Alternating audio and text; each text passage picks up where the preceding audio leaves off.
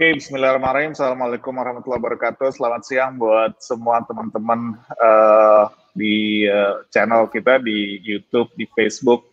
Uh, hari ini Zahir kembali lagi dengan webinar dan cerita-cerita yang bakal menarik, inspiring. Kita selalu menghadirkan begitu banyak uh, pengusaha, pembicara yang uh, insya Allah bisa membantu teman-teman untuk terus uh, tumbuh, tetap semangat di tengah pandemi seperti ini dan di tengah uh, berita bahwa uh, ekonomi kita sedang dalam kondisi yang uh, menurun dan mudah-mudahan spirit-spirit dan cerita-cerita yang kita share lewat webinar-webinar Zahir akan terus uh, mencerahkan dan mudah-mudahan bisa membuka begitu banyak pintu peluang-peluang di tengah kesulitan yang sedang kebanyakan pengusaha uh, hadapi. Hari ini uh, saya ingin memulai dengan menyapa teman-teman di seluruh Indonesia atau mungkin di uh, berbagai belahan dunia yang rutin ngikutin channel kita. Uh, mungkin sekitar dua kita webinar terakhir mungkin sekitar tiga atau empat minggu lalu, jadi ada banyak banget yang uh, chat saya, DM, nanyain kapan lagi nih Zahir webinar. Nah, hari ini uh, kita akan mendatangkan pembicara yang uh, luar biasa. Sosok ini saya udah tahu mungkin sekitar tiga atau empat tahun. Uh, hari beberapa hari lalu kita connect dan uh, pengalamannya luar biasa. Uh, sharingnya akan lebih banyak mengenai bagaimana uh, jerninya seorang Sunil Tolani yang punya pengalaman yang cukup banyak di dunia digital dan entrepreneurship. Kalau pernah lihat atau mungkin bisa googling uh, atau search di YouTube ada beberapa story mengenai Sunil Tolani. Hari ini gue denger langsung dari seorang usaha yang menurut gue baru kenal sebentar dan selama mungkin tiga tahun ini gue lihat dia benar-benar petualang sejati, pengalamannya banyak dan kemarin kita ngobrol cerita pahitnya juga banyak dan ini insya Allah bisa di-share ke teman-teman menjadi pelajaran berharga dan bagaimana Sunil membuktikan bahwa seorang pengusaha itu jatuh 8 kali dan bangun 9 kali. Oke, selamat siang, Bro Sunil. Halo Bro, apa kabar? Yes, I'm good. Gimana kabarnya? Baik-baik aja, sehat. Oke, okay, sehat Berjuang ya. Berjuang selalu. it's it it's part of the entrepreneur's life kan. Ya, ya nggak ada ceritanya betul. tanpa berjuang. Menarik. Betul. Nah, Gimana bro kondisi bisnis di tengah pandemi dan gimana setelah mendengar situasi ekonomi di kuartal kedua yang katanya uh, sudah uh, minus dan menuju yeah. resesi, mudah-mudahan bisnis oke-oke aja ya. Jadi ya kalau kita berpikirnya nero, nero itu yeah. ya so far gue mikirin diri gue dan environment gue, so far so okay. good. Mau pandemi nice. mau nggak pandemi nggak efek. Good And kalau mikirin uh, ekosistem industri, oh ya itu kita yeah. kita harus wanti-wanti karena uh, nggak semuanya sustaining, semuanya itu momentarily sekarang. Jadi okay. banyak orang itu switching, switching, switching untuk survive. Okay. Itu penting sekali, penting sekali. Ya okay, deg-degan, tapi... deg-degan sih ada ya. Cuman antara berjuang dan beruang itu kan beda tipis ya, Bu ya. berjuang dan beruang ya, beda-beda dikit. Ya. Oke, okay, nice. Tapi yang yang menarik gini, yang menarik gini, yang selalu gue share di setiap uh, webinar, terutama ketika uh, masa pandemi datang ya, pandemi COVID-19, uh, ini adalah momentum sebenarnya kalau kita balapan Formula 1, ini adalah tikungan di mana setiap orang ngerem. Namanya yeah. belokan tajam ya kan? Yeah. Nah, cuman menyalip itu selalu terjadi atau hampir selalu terjadi kesempatan itu selalu terbuka justru ketika di tikungan tajam betul, ya kan betul, nah webinar-webinarnya Zahir termasuk cerita Bro Sunil Taulani mudah-mudahan membuka uh, apa ya peluang potensi sama teman-teman pengusaha yang mungkin sering ngikutin webinar kita bahwa di tikungan ini mudah-mudahan cerita-cerita inspirasi dari Bro Sunil hari ini bisa mencerahkan dan yakin bahwa walaupun ini tikungan, semua orang rem, tapi ini adalah momentum supaya kita bisa nyelip ya, bisa nyalip yang lain dan setelah itu kita bisa gaspol lagi. Yeah. Gimana bro? So Teman, mungkin eh, teman-teman, uh, bro Bro Ismail ini memberikan petuah yang tepat sekali. Ya, jadi Zahir dan timnya dan Mas Ismailnya sendiri itu sedang memberikan kebaikan dan wow. dikala kalian mendapatkan solusi dalam tikungan dalam perbuatan kebaikan ini dia malah membuat jalan tolnya. Jadi kita sekarang harus mengerti bahwa kalau mau ketemu jalan keluar, ya lo action dalam tikungan. Tapi kalau lo mau jalan tol, ya. berbuat kebaikan gitu. Iya. Oke, okay, bro, ini ini buat semua teman-teman yang lagi nonton atau uh, mungkin sebelumnya belum tahu Sunil atau yang sudah tahu Sunil, gue kemarin tanya nih sama bro Sunil, bro lu tuh lebih kepengen dikenal sebagai apa? Nah, lu sendiri kemarin cerita sama gue sebagai main, hacker. Nah, hmm. boleh dong diceritain dulu singkat sebelum uh, lo memulai sebuah present yang uh, apa namanya akan jadi sesuatu yang insightful buat teman-teman pengusaha hari ini. Perjalanan hmm. singkat aja deh bro dulu gitu kan. Uh, Sunil ini kenapa sih dikenal sebagai main hacker? Oke. Okay. Ya, nanti kelihatan sih di presentasi saya pasti saya mulai dari jalan oh, okay. saya. Uh, uh, jadi uh, intinya main hacker itu karena saya orang yang uh, topik presentasinya dulu ya saya kasih teasernya 3M itu kan yeah. lebih ke mental, mindset sama manage, ya kan? Yep. Nah, mentalnya itu pertama sebagai pengusaha itu kan mentalnya mental eksplorasinya harus tinggi, bro. Hmm. Kalau udah ketemu jalurnya, dia eksploitasinya boleh lebih tajam gitu kan. Nah kalau saya itu karena dulu itu uh, belum mendapatkan pengarahan yang tepat pada saat saya membangun karir saya, ya, ya. saya lebih banyak di eksplorasi. Alhasil saya jadi banyak mengetahui psikologi banyak orang dari pengalaman dan juga secara global mengetahui model-model usaha dari multi industri. Itu sih. Oke, jadi pengalaman lo uh, itu udah masuk ke berbagai model industri dan pengalaman jatuh bangunnya juga gue udah pernah uh, yeah. dengar gitu kan itu juga banyak dan menurut lo semua itu adalah part of uh, exploring yourself as an entrepreneur yes betul betul oke okay. Sure. Oke, okay, ini kayaknya bakalan seru. Jadi, bro, gue kasih ya, screen ini menjadi milik lo hari ini. Okay. Uh, monggo silakan dimulai presentasinya. Jadi in case nanti uh, ada sesuatu yang pengen gue explore lebih dalam, tentunya gue akan silakan. langsung tanya di tengah-tengah. Dan buat semua teman-teman yang lagi nonton ini live di Facebook, di channelnya Zahir atau di YouTube, kalau punya pertanyaan, silahkan langsung post di kolom komentar. Nanti di sisi akhir tentunya kita akan ada Q&A session. Saya akan banyak akan bacakan pertanyaan-pertanyaan langsung ke hmm. seorang entrepreneur yang pengalamannya udah luar biasa dan sekarang dikenal sebagai main hacker. Silakan, Bro. Oke, okay. saya pertama mulai dengan topik dari presentasi ini adalah 3M. Itu sebenarnya topik yang di request dari timnya itu karena waktu itu ngelihat uh, konten gue di IG ya. Nah, sebenarnya 3M ini ada dua sisi, Bro. Kenapa gue munculin kata mental, mindset, manage? Sebenarnya 3M yang jalan di pasaran itu mental minta-minta, bro. Yang paling wow. banyak jalan di pasaran. Minta peluang, minta opportunity, minta kenalan, minta network, minta, minta, minta melulu, minta tolong, ya kan? Dan itu kebanyakan orang yang sulit. Tapi mental yang orang sukses menurut gua adalah yang memiliki menjadi manfaat maksimal. Gimana kita bisa menjadikan diri kita bermanfaat semaksimal mungkin, gitu kan? Nah itu modalnya ya dari mental, mindset, dan manage. Nah, gue akan mulai dari diri gue. Uh, bahasa saya akan campur aduk, agak Inggris, agak Indonesia, uh, India nggak mungkin saya ucapkan di sini, takutnya banyak yang nggak ngerti. Jawa juga mungkin nggak gitu ya. Uh, tapi agak agak agak free gitu, gue lo, style saya memang itu. Perkenalkan nama saya Sunil Tolani, uh, biasa dipanggil Bronil.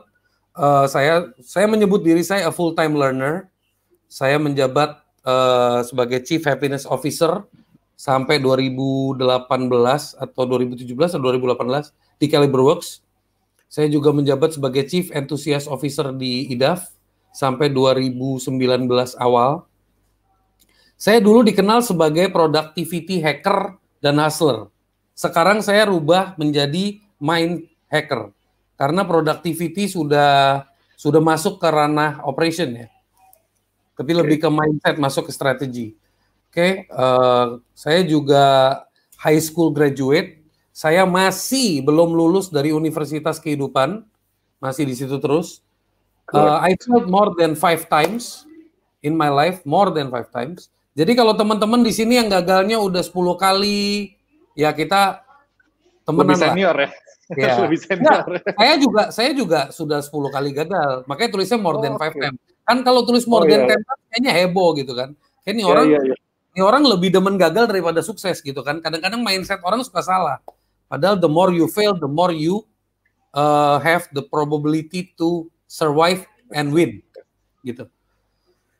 And uh, over 15 years of entrepreneur di sini banyak orang suka salah persepsi entrepreneurship itu just you become an entrepreneur like that. Menurut saya in, intrapreneur adalah fase untuk menjadi seorang entrepreneur yang handal sih. Oke, uh, selain itu saya juga banyak aktif. Jadi banyak orang suka bilang, Brony lu sebenarnya ngapain sih? Nah, karena saya itu orangnya memang demen belajar, demen bergaul, ya ini saya aktif di saya aktif ketua, ketua bidang agrotek di Atsindo. Saya juga uh, aktif di startup founder, ada kayak grup WA gitu. Active community untuk WordPress, UX UI juga. Expert mentor di Gapi. Kalau dulu Gapi sekarang udah di Indigo ya. Indigo inkubatornya Telkom. Saya juga di HIPMI ini presentasinya slide-nya masih yang lama. Saya udah udah nggak di hubungan internasional lagi, tapi saya masih di HIPMI.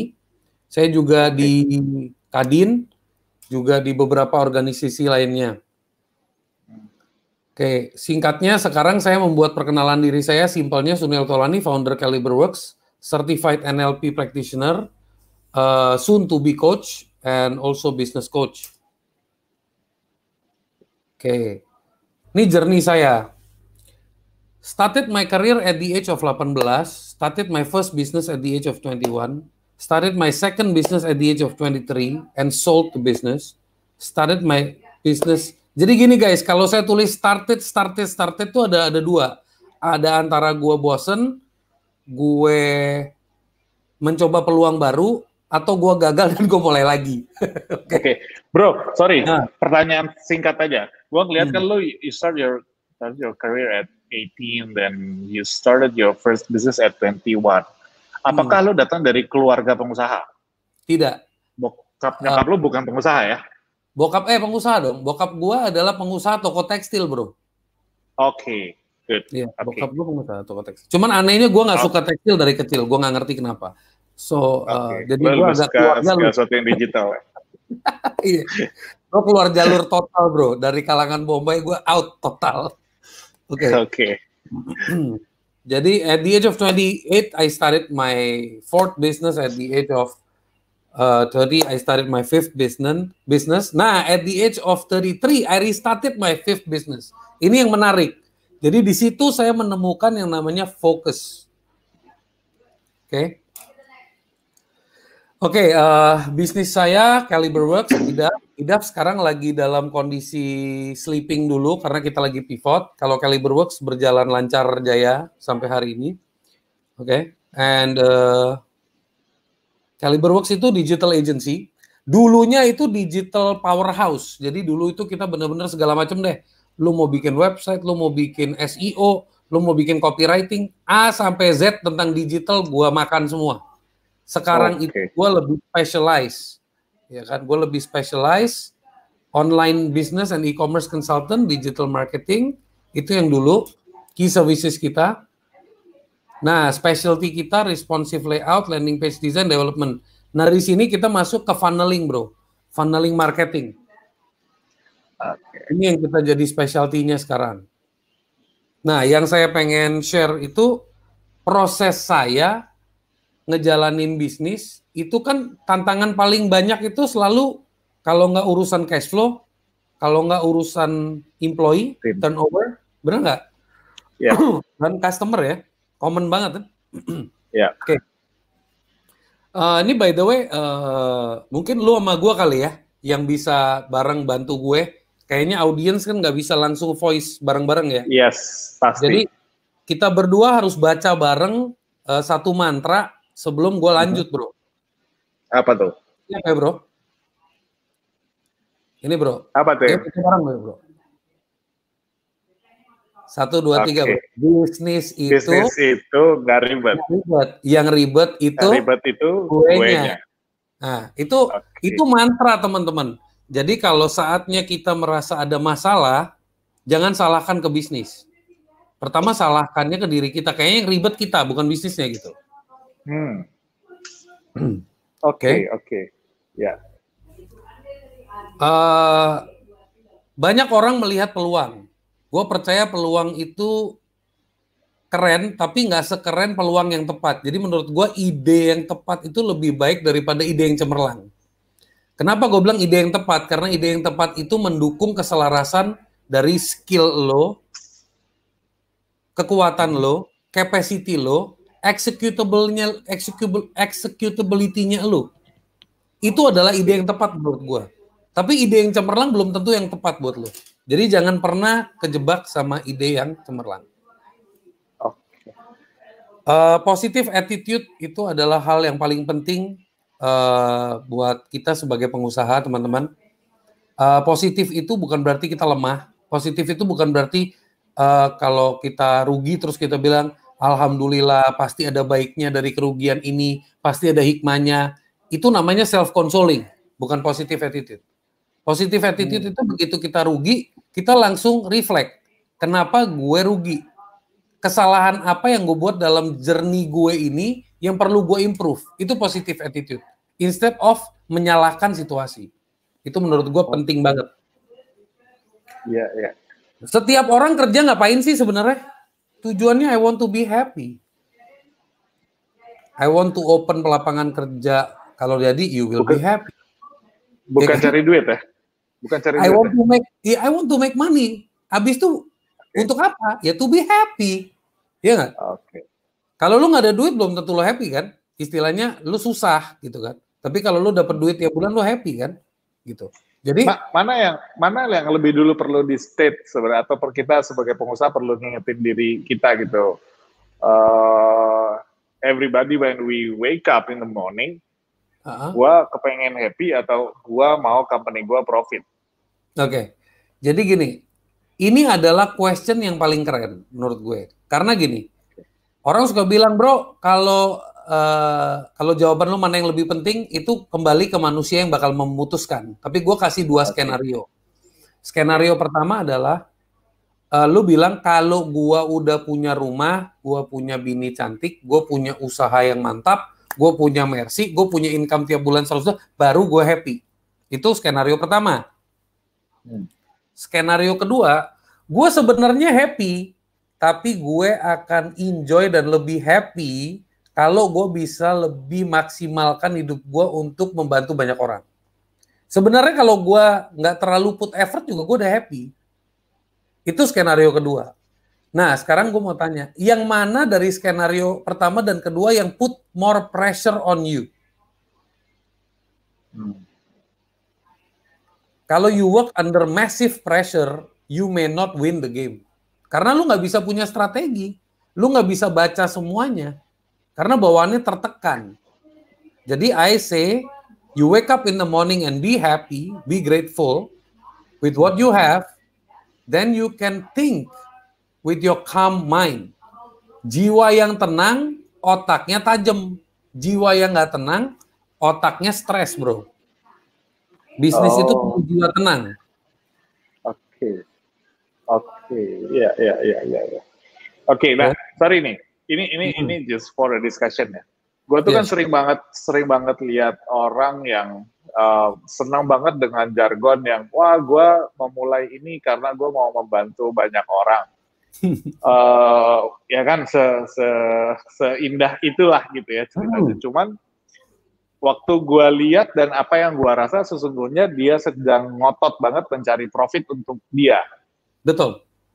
Gitu. Nah, uh, ketulusan dan keikhlasan dengan visi yang tadi itu di banyak kisah yang gue lihat itu ternyata memang beda. Wah, ada begitu banyak yang bilang bahwa gua melakukan ini untuk kepentingan orang lain. Itu banyak yang ngomong kayak gitu. Mungkin biar terlihat keren atau memang mungkin nyata kayak gitu. Tapi gue bisa ngerasain bahwa yang punya impact bener-bener apa memberi manfaat kepada orang lain dan pada akhirnya juga memberi impact pada bisnisnya dan dia secara pribadi itu gue lihat hanya sebagian sedikit mereka-mereka yang bisa kayak gitu kalau memang mereka benar-benar niatnya tulus.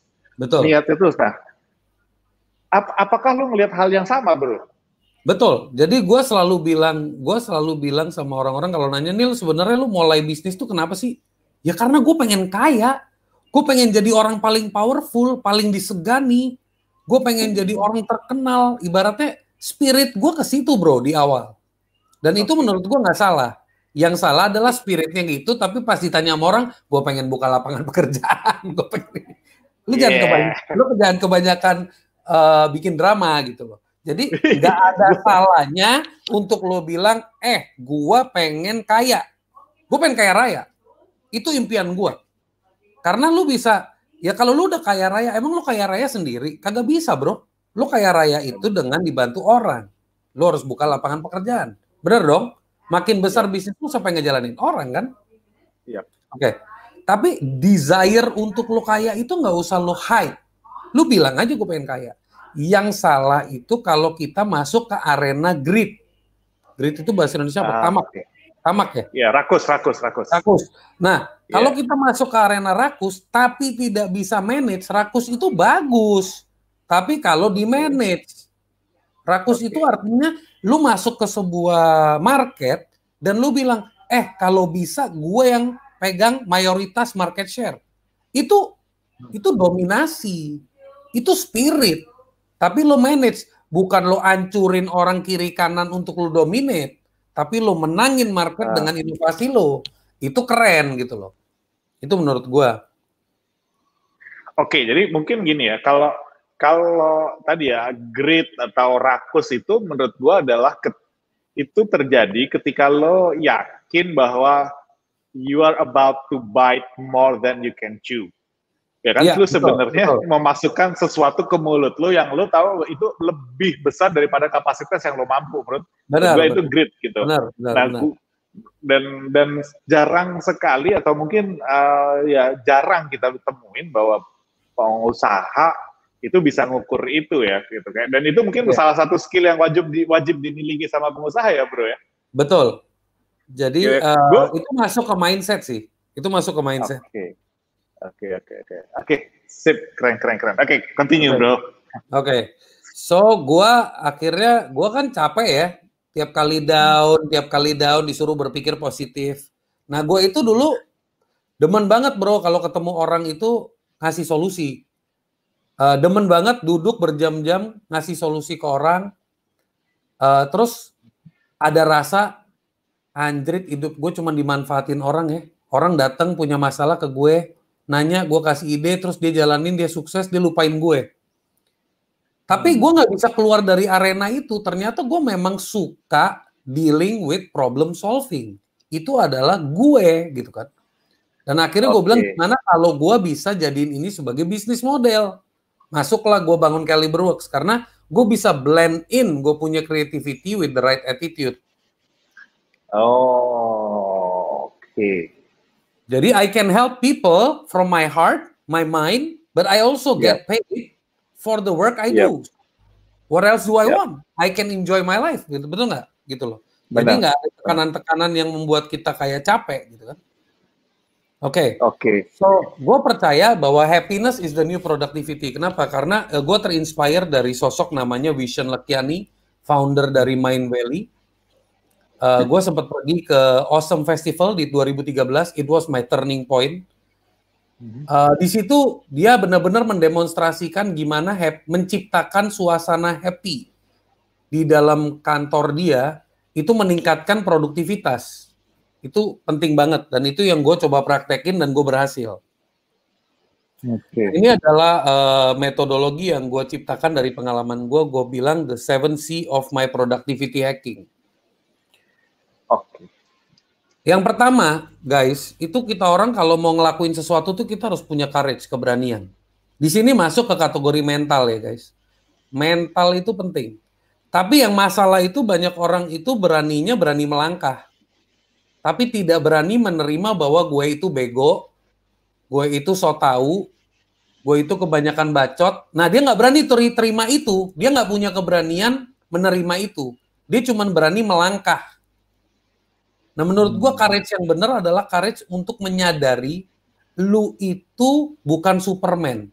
Lu itu punya limitasi. Lu itu butuh proses. Lu itu nggak selalu pinter, nggak selalu punya jawaban. Dan lu nggak harus punya yeah. image bahwa lu itu orang yang tough. It's okay to be weak.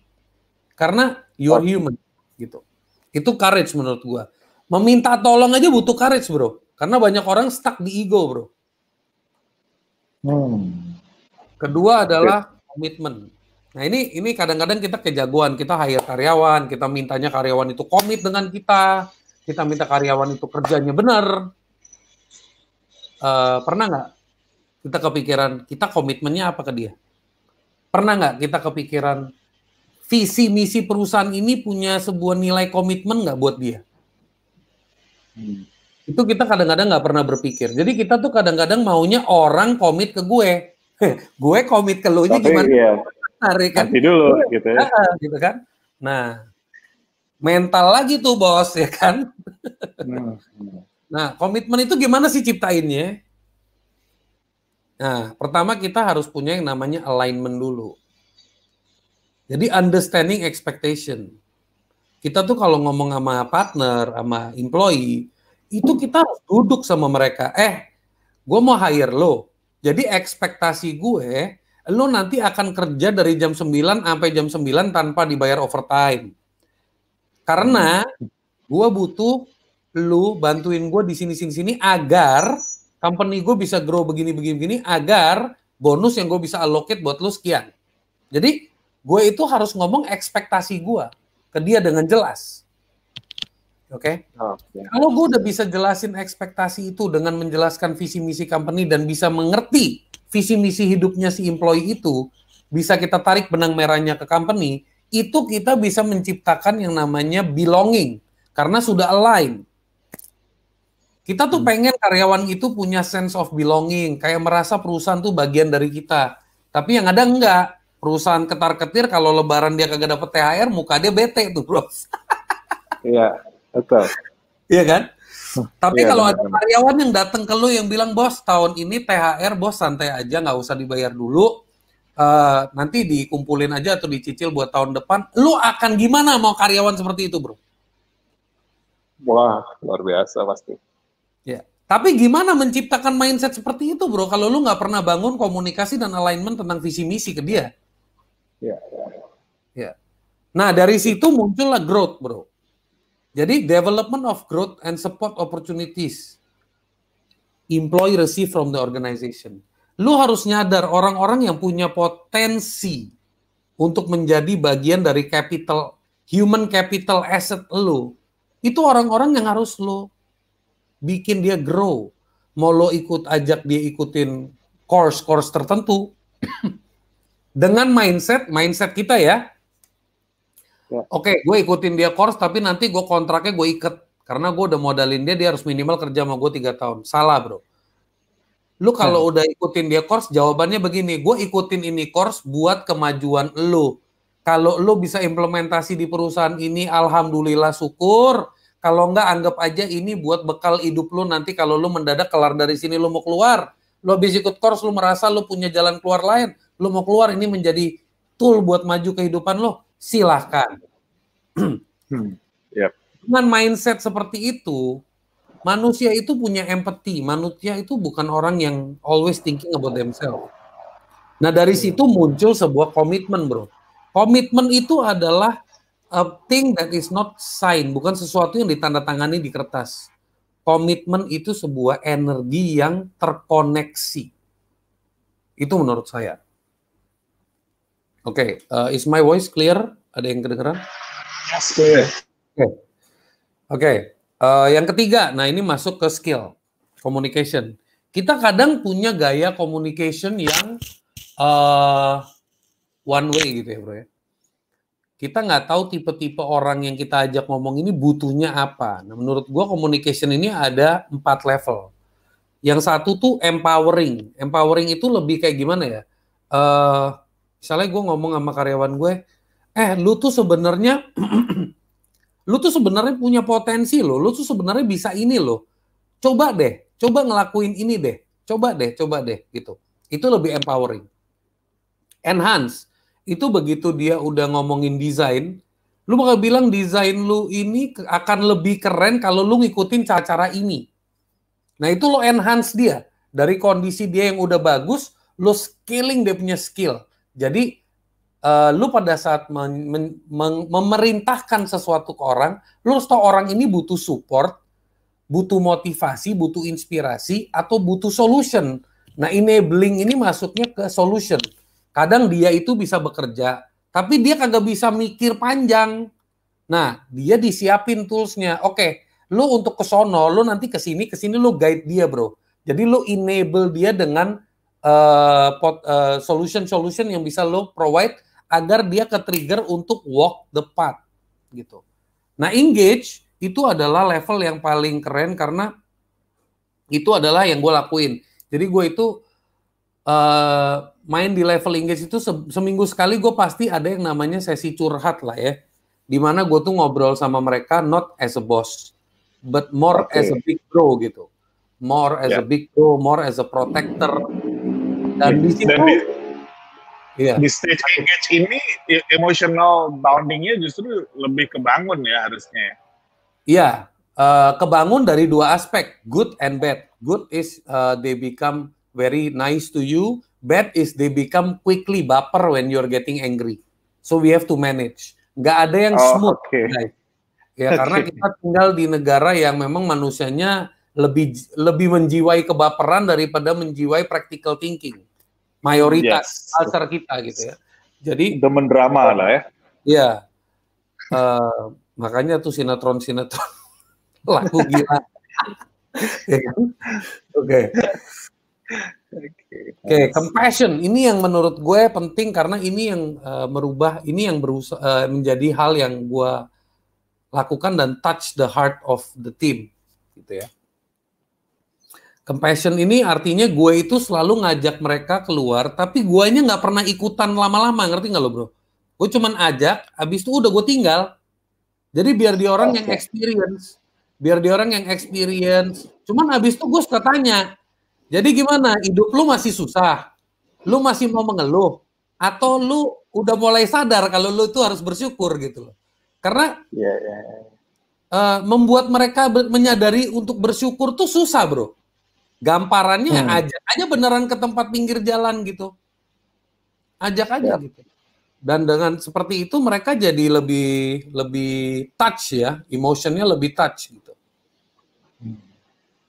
Nah, konsistensi. Kadang kita tuh sebagai leader, kita tuh punya ide banyak. Kita itu nyuruh-nyuruhnya sering.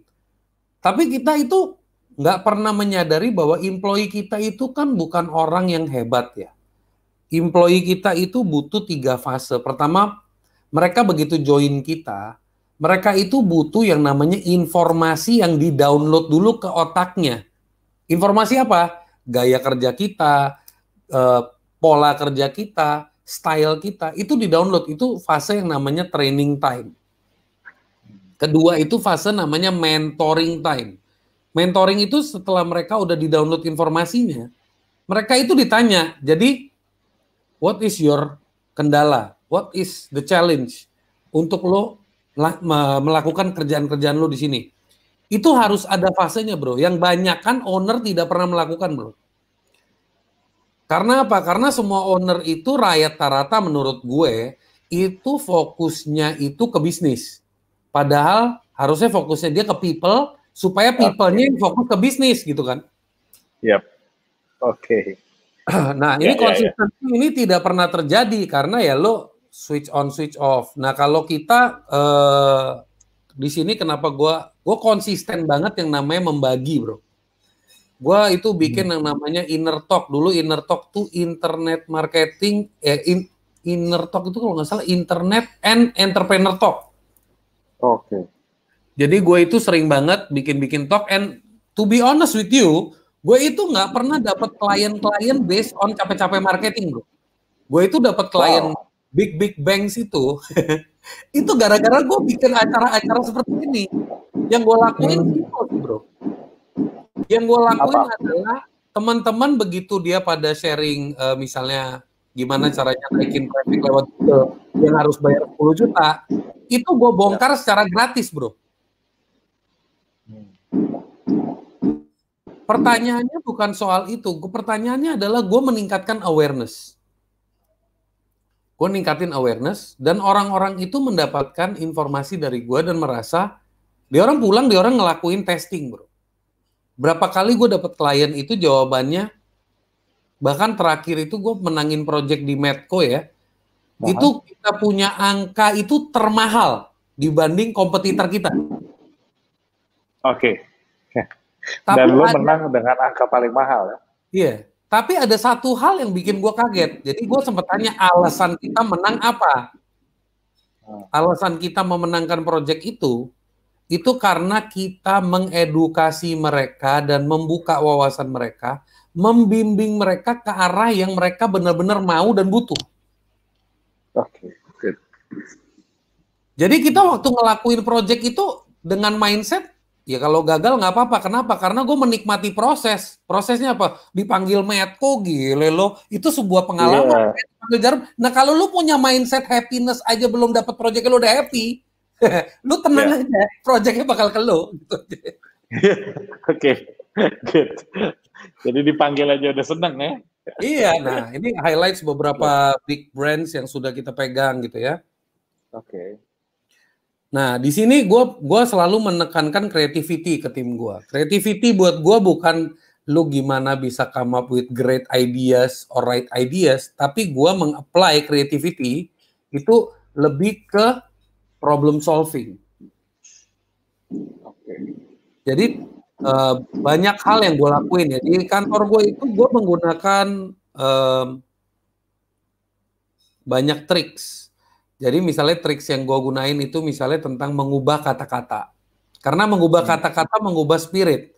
Mengubah spirit menciptakan uh, energi baru untuk menghadapi tantangan. Jadi di kantor gue itu gue nggak pernah kalau ngomong masalah itu kena denda bro. Jadi gantinya oh. harus tantangan. Oke, okay. oke. Okay.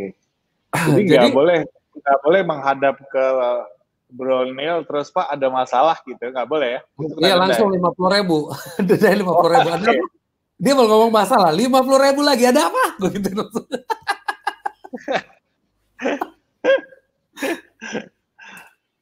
Oke, okay, gitu. jadi merubah kata-kata itu dan pengalaman lo dengan implement hal yang simple kayak gitu, dampak hmm. nyatanya apa sih, bro?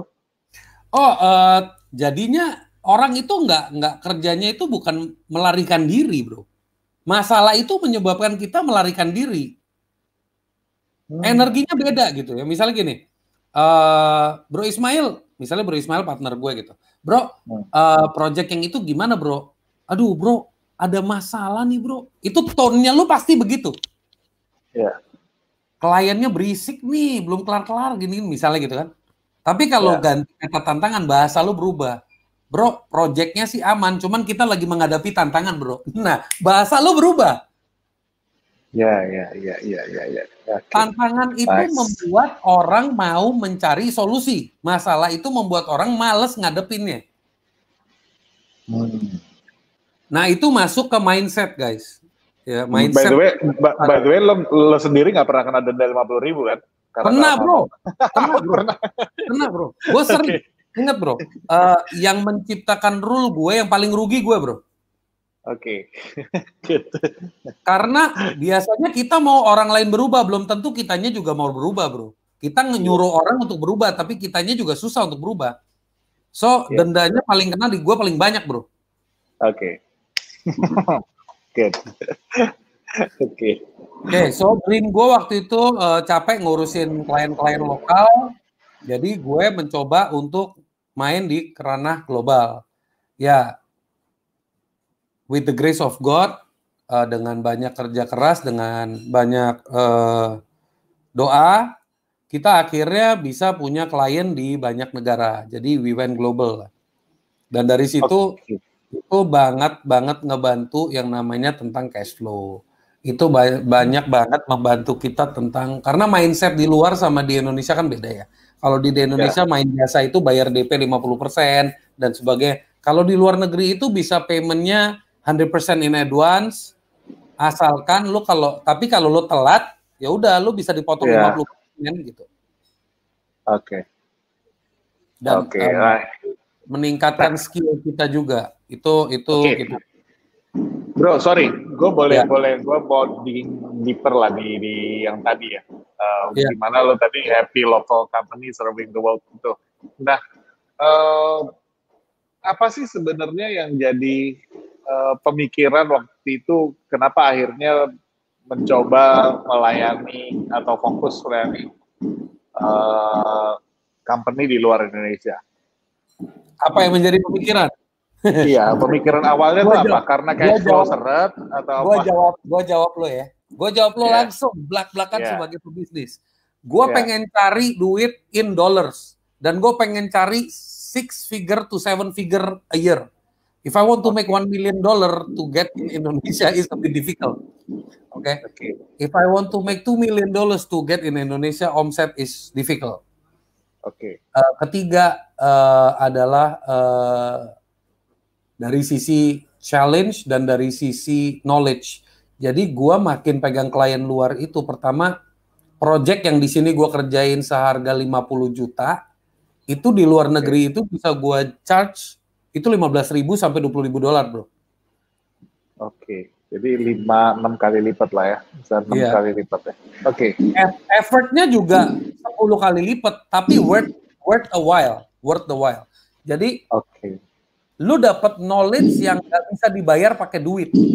Dapat uh, insights yang nggak bisa dibayar pakai Oke, okay. so klien lo di Caliber Works itu sekarang masih uh, ada, memang fokus untuk eh, klien-klien di luar Indonesia, atau hmm. atau mas apa lo tetap lebih banyak di Indonesia gitu?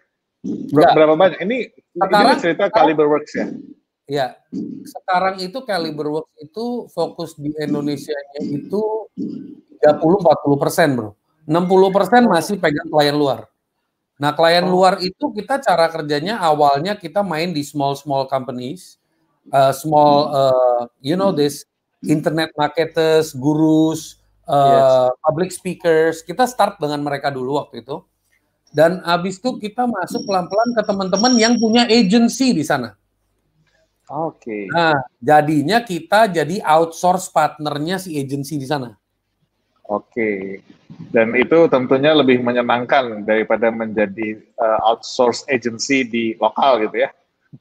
Ah, nggak nggak bisa dibilang menyenangkan atau tidak, tapi yang pasti uh, kita memang selalu percaya kalau kita main di ranah yang global itu kita itu sebenarnya bukan hanya make the money, tapi kita improve diri kita juga, bro. Hmm. Okay. Improve diri kita dan bisa membantu teman-teman yang ada di lokal tentunya.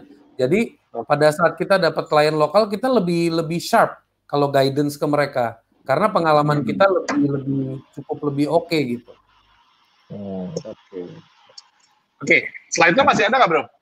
Ada nih bro terakhir. Nah, okay, ini adalah culture bro.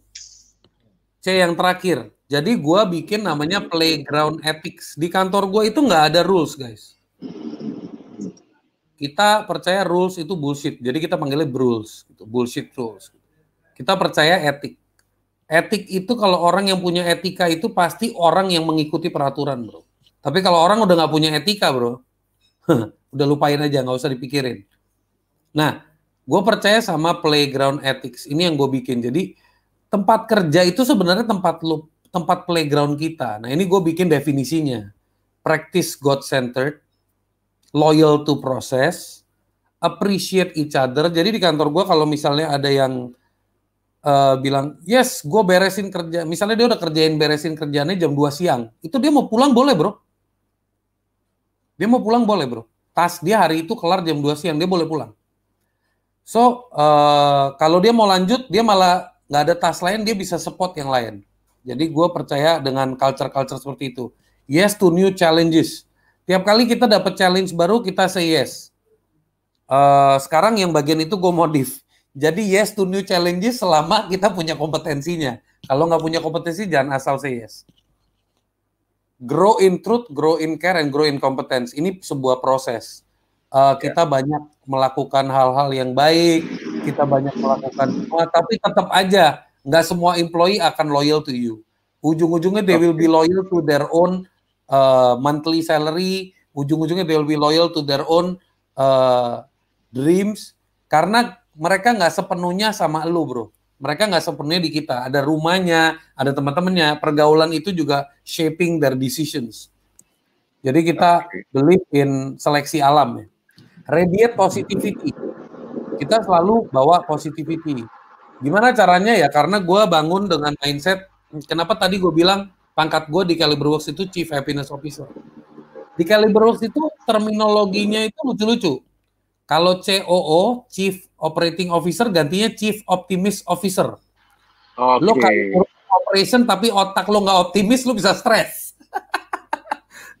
Cuma, nah, ya benar. Ya, kalau lo ngomongin Chief Marketing Officer di tempat gue namanya Chief Multiplier Officer. Tugas lo tuh multiply the business, bro, gitu. Iya, iya, iya. Ya. Kalau CTO kita pakai Chief Transformation Officer karena your job is to transform problems into solutions. Um, jadi kalau desainer gue, gue panggilnya Pixel Maestro. Jadi gue kalau panggil let me let me talk to my maestros today, I miss them gitu. Terus kalau uh, apa uh, support gue, gue bilangnya Top Guns. Jadi gue bilang okay. kalau customer support, gue bilang lu yeah. jangan takut bro, lu lu kalau banyak komplain lo tembakin balik gitu kan. Top Guns gitu ya kayak gitu gitulah jadi dengan seperti itu jadi kita ada mindfulnessnya juga ada unified teamworknya dan gue selalu ngajarin mereka untuk dare to dream big gue itu ada yang namanya kelas kecil di dalam perusahaan gue yang gue selalu bikin entrepreneurship accelerator program jadi di orang itu gue ajarin gimana to be an entrepreneur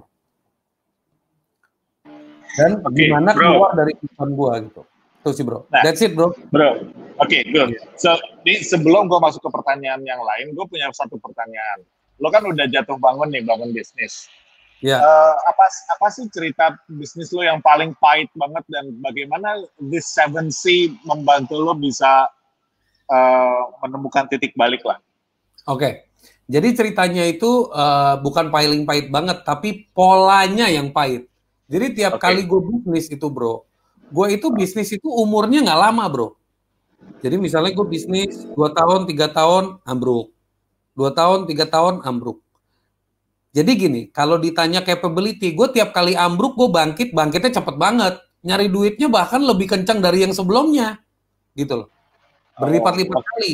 Cuman nggak bisa sustain bro. Nggak bisa sustain, dia naik turun-naik turunnya tuh parah banget bro. Jadi kalau secara grafik itu bener-bener kayak ya uh, triangle ya, lo naik terus turun gitu, lo naik terus turun gitu. Capek kan bro? Nah di situ gue mikir gitu, salahnya di mana ya? Gue kan jago nyari duit, gue cepet, gue pekerja keras, gue nggak pernah give up, semua ada di gue. Tapi kenapa banyak kali gue uh, cepet naik, cepet turun, cepet naik, cepet turun. Di situ gue menyadari bahwa gue terus belajar, gue terus menggunakan teknik STT biasa lah ya strategi, technical, tactical. Semua lo apply gitu kan. Tapi kalau belief system lo, wiring di otak lo, energi lo, nggak lo benerin, ya udah terulang terus, terulang terus dengan dengan versi yang berbeda-beda, ujungnya resultnya begitu-begitu aja. Itu yang membuat gue bangkit untuk memperbaiki internally. Akhirnya gue bilang company itu kalau foundernya nggak punya culture, nggak punya mindset, nggak punya mental, nggak ngerti how to manage the people, okay. ya umurnya pendek. Ya. Yeah. Oke, okay. so Caliber Works sekarang sendiri sekarang udah berapa tahun, bro? Dari 2007 ke sekarang, bro, udah 13 tahun. Wow, oke, okay. udah melewati begitu banyak masa-masa kritis ya. Oh, aduh gila. Di bisnis ya. Oke, okay. uh, eh, luar biasa bro sharingnya. Ini ada jadi sebelum sesi ini uh, webinar ternyata ada ini ada lebih dari 50 pertanyaan. Gue mesti uh. pilih nih salah satu pertanyaan. Tapi ini pertanyaan yang masuk di uh, mereka yang daftar lebih dulu ya. Jadi sebelum hmm. acara webinar ini. Oke. Okay. Uh, Gue matiin screen share-nya ya, biar bisa lihat muka lu.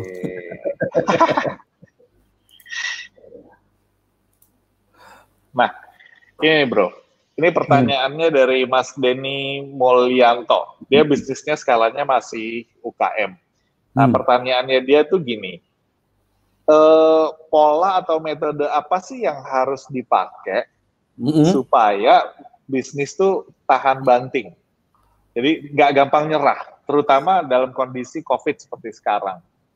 Nah ini kan ini ini pertanyaan common nih bro. Setiap hampir begitu setiap webinar ini banyak yang nanya karena case-nya memang situasinya lagi kayak gini. Kebanyakan pengusaha dalam titik yang uh, tertekan, ekonomi lagi drop, sebagian terimbas cukup serius karena COVID, tapi dia harus bertahan. Nah, menurut lo apa sih uh, pola behavior atau perilaku apa yang sebaiknya seorang pengusaha punya dalam kondisi sulit supaya dia tetap uh, tough gitu ya, istiqomah, kuat karena ya bisnis kan it's about bagaimana lu survive, tahan banting, jatuh naik lagi. Itu gimana, Bro? Oke. Okay. Gue akan kasih jawaban dengan sebuah ilustrasi boleh nggak? Uh, Mas Bro Ismail oh, dan lu silakan. menjadi lu menjadi lu menjadi samplernya boleh nggak? Wes, boleh. Oke, okay, coba lo lo uh, in one minute, in just one minute. Ini jawabannya it'll take maybe one minute only. Switch your mind in a situation di mana lo lagi stressful. Like everything is so stressful because of COVID, your business is tertantang and everything in just few seconds, okay? Once you are there, now you remember the mantra, what I said, and read read that mantra, and tell me how you feel after that. How you feel yeah. after that? Gue ngerasa sebenarnya ya masalahnya kecil dan masalah terbesarnya ada di gue. Ya, jadi pada saat kita ya kita itu uh, memiliki fear, kita memiliki fear, itu kita selalu melihat keluar. Dan tadi uh, Mas Bro Ismail sempat bilang, teman-teman, semua orang lagi tarik rem besar-besaran dan ini ada tikungan tajam dan banyak orang punya kesempatan nyalip di tikungan tajam. Pertanyaannya yang tarik rem itu semuanya rata-rata pada ketakutan rem mendadak. Tapi ada yang ngerem tapi dengan gue tetap harus nyampe ke garis finish nih. Nah itu beda spirit loh guys. Gue tetap ya, nyampe ya. ke. Nah mindset kita kalau ke sana you will find the way. Karena kita kadang-kadang mencari jalan keluar. Pak, enaknya saya ngapain ya? Gak ada yang bisa kasih lo jawaban yang tepat, bro. Yang tepat adalah lu sebenarnya bisa apa. Nah, pertanyaan yang perlu teman-teman pikirin itu lu sebenarnya bisa apa. Hmm. Itu bro, jawaban. Jadi balik lagi ke kita sebagai pengusaha ya. Iya dong. Oke, men lu menarik, menarik. Oke, nah bro boleh nggak dibuka lagi slide-nya yang mantra bro, karena ini penting banget menurut gua. Biar semua audiensnya lihat dan ingat gitu ya. Coba bro di-share lagi supaya yang nonton coba lihat, coba baca ini menarik banget nih. Ternyata mantranya segitu powerful ya. Mantranya hmm. karena sering kali begitu kita punya problem kan kita ya, blaming lah ya, nyalahin sana sini, nyalahin kondisi, ah ini kondisi lagi covid segala macam. Yes, itu pasti kebanyakan orang akan kayak gitu. Tapi buat yang mau punya sesuatu magic tuh ya itu mantranya itu balik lagi kita mesti lihat ke dalam ya. Coba deh bro, di-share dikit bro. Tadi bro, mantra. Ya, udah bisa lihat belum? Udah bisa dilihat belum? Belum, belum, belum. Loh, belum, belum share, share screen. Udah deh gue, sebentar. Udah bro, gue udah share screen nih. Coba. Oh, enggak. Oke. Okay. Oke. Okay. Sekarang? Nah, ini muncul. Oke. Okay.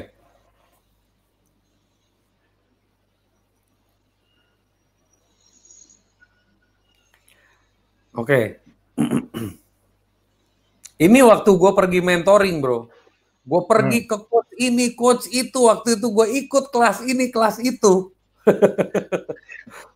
itu, waduh, ibaratnya kayak gue mencari mencari emas di luar gitu kan. Ternyata diamondnya di dalam diri gue sendiri gitu kan. Nobody can help me but myself. Oke. Okay. Nice. Nah, so ini buat teman-teman yang nonton, ini coba deh lihat ini. Bisnis itu nggak ribet, yang ribet itu gue nya gitu. So, sebelum kita berpikir bagaimana menyelesaikan masalah yang sedang kita hadapi atau challenge yang kita hadapi, wah gue harusnya denda 50 ribu nih sama bro Neil ya. Jadi tantangan yang sedang kita hadapin, dan sebelum kita cari solusinya, mindset ini yang sebenarnya harus dirubah ya bro. Iya, betul. Jadi, Artinya kita, uh, kita challenge pertamanya sebenarnya ada di dalam, bukan di luar. Benar. Oke, okay, cool. Ah, mantra lu ternyata luar biasa, bro. Barusan lu ngerasain ya? You can feel yeah, the Iya, gue ngerasain. Yes. Yeah. Oke, okay, nah oke, okay. gue balik lagi ke list pertanyaan yang masya Allah yeah, banyak yeah. luar biasa yeah. gitu ya. Yeah. Ke, coba gue pilih dulu. Ini ya, yang pertanyaan sejenis, tanyain bagaimana tahan banting di tengah resesi itu banyak banget ya. Oke. Okay. Oke, sebentar. Nah, ini ini mungkin relate yang sama lo. Ini hmm. dari Alfianti Azahra. Dia hmm. bisnisnya online shop. Hmm. Ya, produk Nusantara. Pertanyaannya hmm. dia gini, bagaimana caranya kita menghadapi persaingan perdagangan global yang semakin luas? Nah, mungkin ini relate tadi bro sama mindset lo ketika lo berpikir melakukan penetrasi keluar. Yeah. Dan ternyata itu sangat membantu bukan it's not only uh, only about money kan yang lo bisa dapat, hmm. tapi kan knowledge gain yeah. from the situation by having your international customers. Nah ini menarik hmm. gimana bro? Menghadapi okay. persaingan perdagangan global yang semakin luas. Oke, okay. uh, siapa tadi namanya? Namanya Alfianti Azahra. Oke, Mbak Alfianti Azahra, kapan-kapan itu kita dalam hidup itu kita nggak selalu harus menghadapinya yang perlu kita lakukan adalah kita uh, mencoba melihat tantangan itu sebagai opportunity yang bisa kita garap. Jadi misalnya kita ngomongin persaingan. Kalau kita terlalu idealis, terlalu keke mau ngomongin produk Nusantara, tapi kita tidak punya jiwa untuk mendorong produk Nusantara kita untuk ke global, tapi kita malah berpikir, ya barang gue mah nggak laku. Kenapa? Karena barang Cina lebih murah kalau kita udah mindsetnya seperti itu, well kita nggak kita belum belum akan bisa masuk ke level menghadapi karena kita nggak punya kemampuan untuk menghadapi. Tapi kalau kita mau menghadapi, itu pertama kita harus benar-benar melihat potensi. Potensi apa yang bisa kita lakukan. Kalau perlu, kalau saya orangnya agak gila, saya itu bakal mencoba jual barang made in China yang saya kasih gratis dengan barang yang saya jual punya saya. Atau orang itu beli barang made in China harganya made in China orangnya di Australia gue kirim barang gue dan barang made in China-nya ke dia. Gitu. Biar dia compare sendiri. Hmm. Karena saya akan melakukan segala cara untuk penetrasi keluar untuk meyakinkan bahwa uh, gue itu akan kasih lo yang terbaik Hmm. Waktu saya pertama kali melakukan uh, akses keluar, orang nanya Caliberworks itu siapa sih? Gue sampai harus beli domain Caliberworks India atau nggak lo bro? Karena oh, ya? begitu Indonesia tuh orang nggak ada yang nggak ada yang percaya Indonesia bisa memberikan kualitas. Wow. Jadi gue bikin Caliberworks wow, no. Terus gue pakai kayak virtual office gitu loh nggak lo virtual address. Yeah, Jadi seolah-olah, iya, Okay. Tapi sebenarnya gue kan pakai orang Indonesia semua program Indonesia. Gue memang mau membanggakan membawa nama Indonesia gitu. Tapi yeah. awalnya nggak gampang. Tapi gue sampai, ya udah jadi deh lu kasih gue kesempatan gue bikinin website lu gratis. Hmm. Bahkan gue kasih kerjaan senilai 3000 dolar free, 5000 dolar free. Gila. Untuk penetrate gitu, pengen tahu aja apa sih responnya, sejelek apa sih gue. Dan hasilnya? Ya mereka langsung bayar bro. Begitu kelar langsung mereka bayar without any question. Padahal gue bilang it's free. Dia bilang no, I pay because you did a good job. Wow. Good, good, good, good. Jadi keren, buat keren, keren. jangan selalu melihat persaingan sebagai masalah.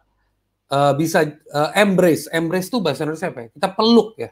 Kita peluk ya. sebuah peluang itu karena entrepreneurship itu kalau kata sahabat saya itu semangat berkepeluangan True entrepreneur adalah semangat keberpeluangan.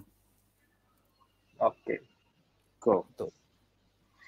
Oke, okay, bro, ke pertanyaan berikutnya. Ini juga menarik nih dari M Rizky Abdillah, bisnisnya hmm. fintech dan distributor. Oke, okay. pertanyaannya ya, nah ini juga relate sama lo kan bisnis sudah jatuh bangun jatuh bangun kan, berarti udah gonta hmm. ganti bisnis macam-macam. Nah pertanyaannya itu bagaimana caranya pivot, ya uh, strategi dalam bisnis supaya bisa tetap survive dan eksis. Hmm. Nah ini pivot nih, ini juga jargon atau kata-kata yang sering banget gue denger nih di tengah pandemi karena semua orang lagi berpikir gimana nih caranya pivot supaya bisnisnya bisa survive. Gimana bro? Oke. Okay. Peng pengalaman lo pivot yang paling luar biasa ini, sebelum kali berworks akhirnya itu gimana? Ini sekarang yang IDAF, IDAF ini kan lagi gue pivot. IDAF okay. ini lagi gue pivot oh, iya, sekarang betul. fasenya. Jadi gue lagi dalam fase kan. Iya.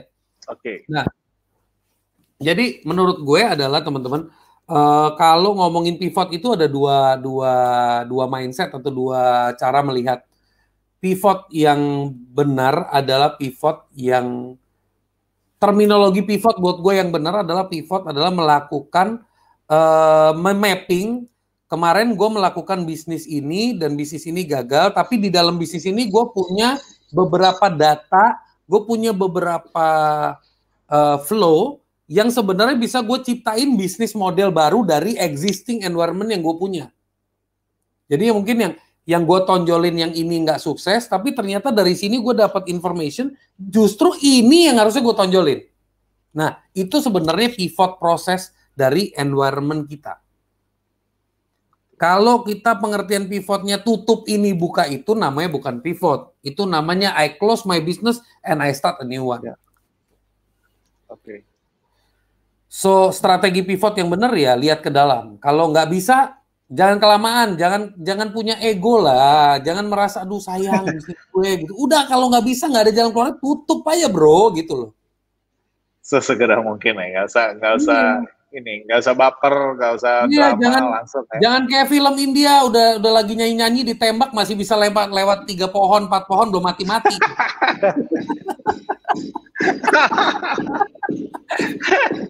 belum benar benar benar benar oke oke bro mungkin terkait sama pivot ya terkait sama pivot. Yang relate kan ini kan di bisnis lo yang indah itu lo, lo sedang pivot ya. Part hmm. apa yang paling challenging ketika lo melakukan pivot? Pivot ini dalam artian apakah lo merubah uh, segmen market apakah lo merubah uh, value dari produk yang lo tawarin ke segmen market yang sama atau gimana gua prosesnya dan apa merubah, yang paling challenging? Gua tidak merubah segmen market, tapi gua merubah pot, gua membesarkan segmen market. Kemarin segmen marketnya terlalu kecil, jadi karena teknologi yang diciptakan tidak bisa mengadres market yang besar. Jadi itu satu. Dan kedua, gue lagi dalam proses uh, kalau gue pivotnya itu udah udah dari sisi manusianya dan dari sisi teknologinya. Bisnis modelnya kurang lebih sama. Kita melakukan enhancement dari user experience-nya, user interface-nya, dan uh, melihat tren yang bekerja sekarang, kita melakukan inovasi-inovasi yang untuk simplify lah. IDAF yang sebelumnya dengan yang baru. Cuman mungkin uh, lu selama bisnis modelnya masih berkutat di arena yang sama, lu mau ganti brand nggak apa-apa. Karena kadang-kadang hmm. brand itu kan kalau udah kelamaan tiarap itu kan untuk ngangkatnya berat ya. Jadi kadang-kadang ya. lu bisa nge-rebranding dengan dengan new spirit. Tapi bukan berarti lo kayak ngebangun bisnis dari nol lagi gitu. Nah, karena data gue udah existing yang akan gue maksimalin juga dari database yang udah ada gitu. Oke, Oke, satu lagi pertanyaan terakhir nih bro, dari ya. Berry Wirianata. Mm -hmm. Ini jual bisnisnya kelapa sawit. Nah, modal yang paling penting yang harus dimiliki sama seorang pengusaha untuk sukses. Okay. Ya, modal penting harus dimiliki pengusaha. Untuk sukses. Apa bro? Network. Ya, ya Network. Ya. Kalau kalau kalau misalnya ini pilih ya bro, lu dengan pengalaman lo ya, orang sinyalnya sinyal.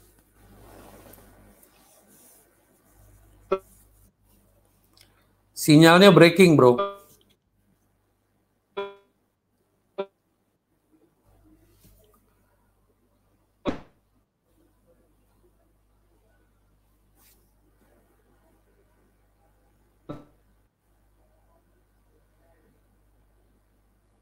Untuk bisa sukses kan butuh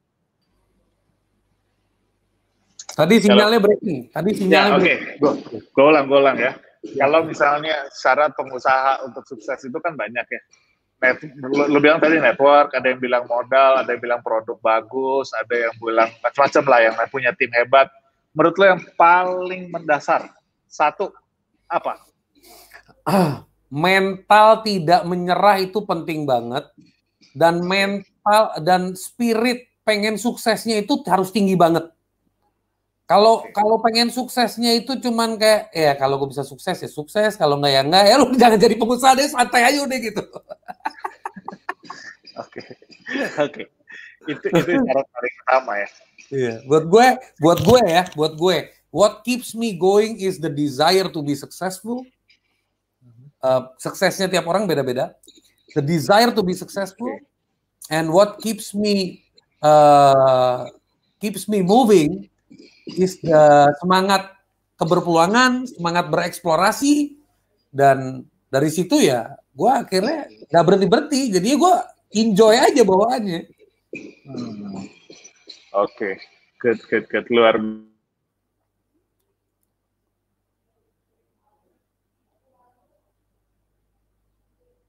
biasa bro. Wow. Ya bro, gua gua sendiri belajar banyak dari dari cerita lo hari ini dan uh, pertanyaan yang masuk udah sebagian besar jawab dan menarik karena pertanyaannya banyak banget. Dan karena waktu kan nggak mungkin nih gue bacain semua. Mungkin ya. mungkin mungkin sebelum sebelum sebelum kita tutup nih bro. Ya pengalaman lo sebagai pengusaha dan kita lihat dari teman-teman yang jalanin bisnis gitu kan gue selalu percaya bahwa sukses itu berpola, gagal itu juga berpola. Ya. Betul. Ya? Jadi Betul. kalau lo aplikasikan behavior yang sama di bisnis apa pun akan kayak gitu. Betul. Dan kalau lo mengaplikasikan behavior yang sama untuk sukses, ya udah akan selalu sukses. Makanya Betul. ada begitu banyak pengusaha yang uh, bisnisnya itu konglomerasi ngelakuin apa aja sukses gitu. Karena hmm. mungkin behaviornya sama. Nah, menurut lo apa sih yang membedakan orang-orang yang tadi ya eh, orang-orang sukses yang eh, orang-orang sukses sama yang enggak di bisnis. Oke. Yang gue ketahui dan yang gue yang gua pelajari dan gue ketahui itu adalah satu hal simpel dulu ya. Oh. Kita nggak menyalahkan orang loh ya. Kita nggak menyalahkan yeah. orang. Jadi emang itu kembali yeah. ke kita kita terdesain sedemikian rupa. Yeah. Jadi kalau lo lahir di environment yang bakal bilang sama lo, untuk sukses lo harus bekerja keras. Cari uang itu nggak gampang. Emang uang tumbuh di pohon. Hmm. dari kecil dari kecil lo uh, di, di treat seperti itu, ya wajar lo akan struggle tingkat dewa. Termasuk gue waktu kecil selalu dibilangin money is not easy, you have to take care of money. Money is uh, not easy, bahasanya gitu. Money is not easy, you have to take care of money, bla bla bla bla bla. Jadi the desire to have itu want to have more money is there, tapi ininya udah ketanam banget. Money is not easy, money is not easy, money is not easy. Ya nggak bakal datang gitu loh. Okay. Nah, ada orang yang udah sekolahnya bego, attitude-nya caur, tapi setiap kali pegang bisnis smooth, smooth, smooth. Bingung kan? Ada orang yang udah lulusan S2, belajarnya komit, semuanya Bener ngerti. banget. Tapi kagak sukses gitu kan. Nah, yeah, kenapa? Karena mindset, belief system. Buat yang S2 cari duit itu susah. Buat si petel satu lagi itu cari duit itu gampang. Oke. Very nice. Gue suka banget part ini. Ini gue suka banget. Benar-benar. Jadi belief systemnya itu adalah salah satu mungkin hal yang basic juga yang sebenarnya perlu oh, iya. kita perbaiki bahwa apa yang datang dipik apa yang lo mulai di pikiran dan hati lo sebenarnya itu akan terjadi sebenarnya. Of course. Cuman kita nggak bisa salahin. Kalau kita nyalain, mak gue dong yang salah dari kecil ngomongnya begitu. Ya, Bapak gue dong. Ya kita nggak bisa salahin karena dia nggak tahu. Karena kita mencari tahu, itulah ilmu. Mencari ya. tahu, melatih, melatih, melatih, melatih gitu kan. Nggak bisa sekali tahu, oke okay, berubah. Nggak bisa. Oke, okay, nice, nice, nice. Oke okay, bro, closing statement dari lo kira-kira apa nih buat semua teman-teman pengusaha video ini uh, recorded dan biasanya masih uh, orang-orang masih bisa lihat lagi di YouTube dan ini sepanjang okay. masa akan memberi manfaat. Apa okay. closing statement lo mengenai tadi ya uh, 3M? Apa yeah. pesan lo buat pengusaha Indonesia supaya paling enggak mereka bisa survive, terutama di tengah pandemi ini dan melakukan terobosan dan supaya unstoppable achievement-nya itu benar-benar luar biasa, extraordinary. Silakan, Bro. Oke. Okay. Pertama, bu, guys, sarannya jangan, Bro, sarannya jangan yang biasa, yang gila banget ya. Gak oh, terima saran-saran biasa nih. Iya, yang gila ya. Oke. Okay. Lolo pade dengerin ya, lolo pade dengerin. Kalau ada pandemik, lo stres. Kalau itu ngomongin pandemik, coba ya dipikir di kepalanya. Kalau tadinya semua gunung di Indonesia meletus, stres nggak lo? Sama aja. Jadi jangan pikirin pandemik sebagai satu masalah besar. It's a problem, tapi justru ini momen untuk kita reflect. Kita hanya bisa sukses kapan? Kalau kita punya energi cukup untuk sukses. Nah ini momennya untuk lo mengcultivate atau meng, uh, mengevaluasi energi gue. Jangan lu cuman lari terus dalam hamster wheel. Udah, time to stop, stop. Bisnis gue lagi nggak cocok nih untuk ekosistem gue punya restoran, semua restoran harus tutup karena pandemik misalnya. Ya udah, I'm done. Restoran gue tutup. Terus apa lagi? Tapi gue jago, gue jago masak, gue bisa buka ghost kitchen, gue bisa delivery, gue bisa communicate sama customer. Gue kalau perlu bikin video gue sendiri, gue makan makanan gue sendiri, gue ceritain tentang produk gue sendiri. Gue mau jadi gokil itu urusan gue karena itu indahnya era teknologi sekarang. Itu indahnya era teknologi sekarang. Pertanyaannya, lo mau sukses, sukses yang lo pengen kejar segila itu atau enggak? Kalau lo nggak berani, lo nggak punya kegilaan dalam diri lo, kegilaan untuk melakukan sesuatu yang di luar zona nyaman lo, lo nggak akan bisa achieve apa yang lo mau. Lo paling bisa dituntun sama orang terus sampai lo tua. Itu pesan gue. Be crazy, wow. Be hungry, and be wise. When to be crazy, when to be hungry. Nah, itu aja. Luar biasa, bro. Luar biasa. Satu satu kata ya, satu satu kalimat yang gue highlight. Pokoknya buat teman-teman yang nonton video ini, uh, gue senang pokoknya langsung action. Actionnya adalah yang paling cepat adalah mulai hari ini atau mulai besok paling lambat lo harus lakukan sesuatu yang lo keluar dari zona nyaman, yeah. sesuatu yang gila banget, dan lo tunggu karena hal-hal yang kayak gitu yang akan biasanya memberi impact dan membuka begitu banyak pintu yang selama ini lo nggak pernah lihat. Betul banget. Gitu ya bro. Siap bro, thank you so much undangannya bro, luar biasa. Thanks a lot for sharing, luar biasa. Gue selalu suka ngomong sama pengusaha-pengusaha sukses, termasuk lo hari ini karena gue percaya bahwa orang-orang sukses itu punya energi yang menular, ya. Yeah. Lebih hebat daripada virus COVID menularnya ya. Even Betul lewat dengerin lihat, Betul, even dengerin ceritanya orang-orang hebat, orang-orang sukses kayak lo itu, energinya itu sampai. So, Amin. terima kasih banyak, bro, uh, ya. sharingnya hari ini. Jangan bosan, kapan-kapan kita akan invite. Ya. Oh ya, bro, kalau ya. next teman-teman ada yang mau tanya, mau berinteraksi langsung dengan lo, gimana caranya menghubungi lo lewat mana? Oh ya, bisa masuk ke Instagram gua @niltolani atau ketik aja Sunil Tolani di Instagram search itu udah ada yes. atau uh, uh, itu aja ya. Oke. Okay. Oke. Okay, Thank good. you. Oke, okay, Bro. Terima kasih banyak waktunya. Sampai ketemu lagi. Okay. Semoga sukses terus dan Siap. tetap semangat. Jangan lupa tetap selalu gila ya, Bro. Yes, betul.